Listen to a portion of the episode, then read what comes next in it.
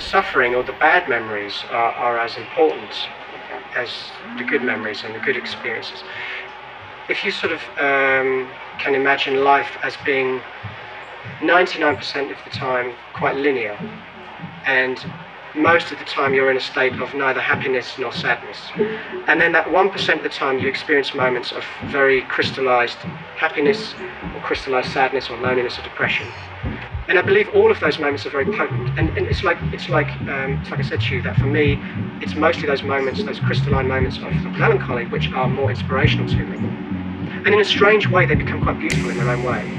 Music that is sad, melancholic, depressing, is in a kind of perverse way more uplifting, uplifting, uplifting. do me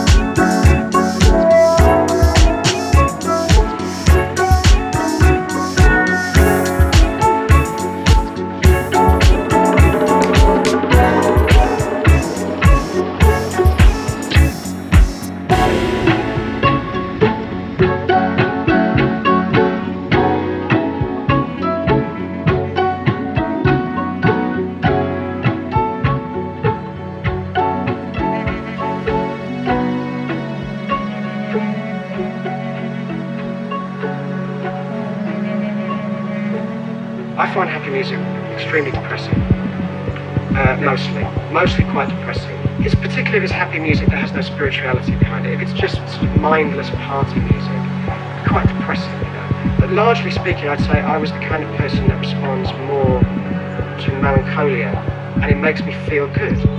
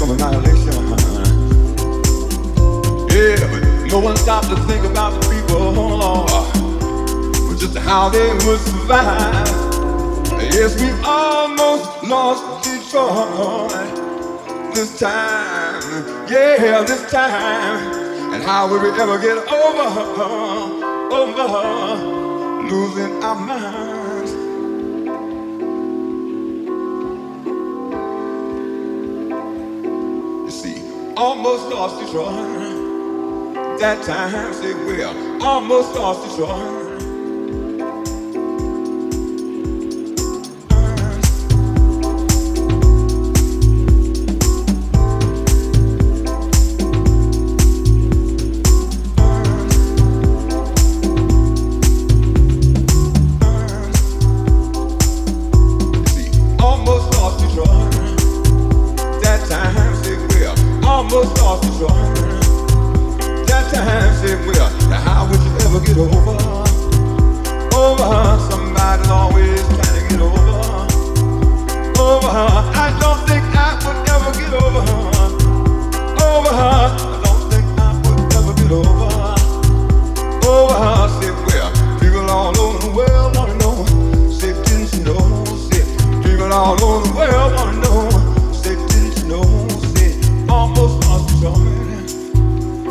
time she will, almost lost the joy.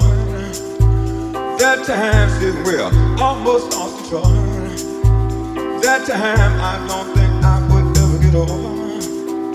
Oh, I don't think I would ever get over. Oh, she will, losing my mind.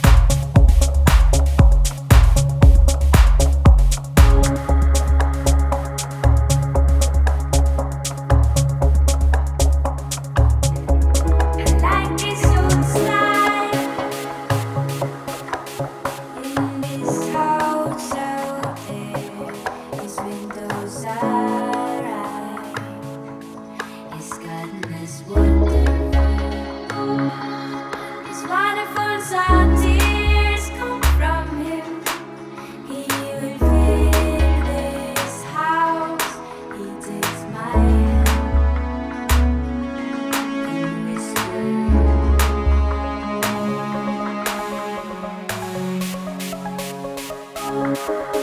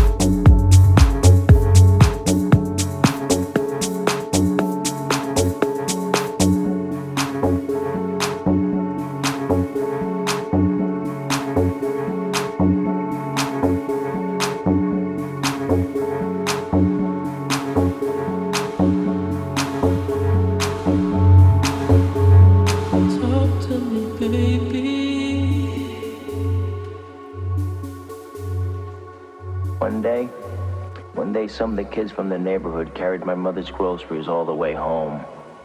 You know why? It was out of respect.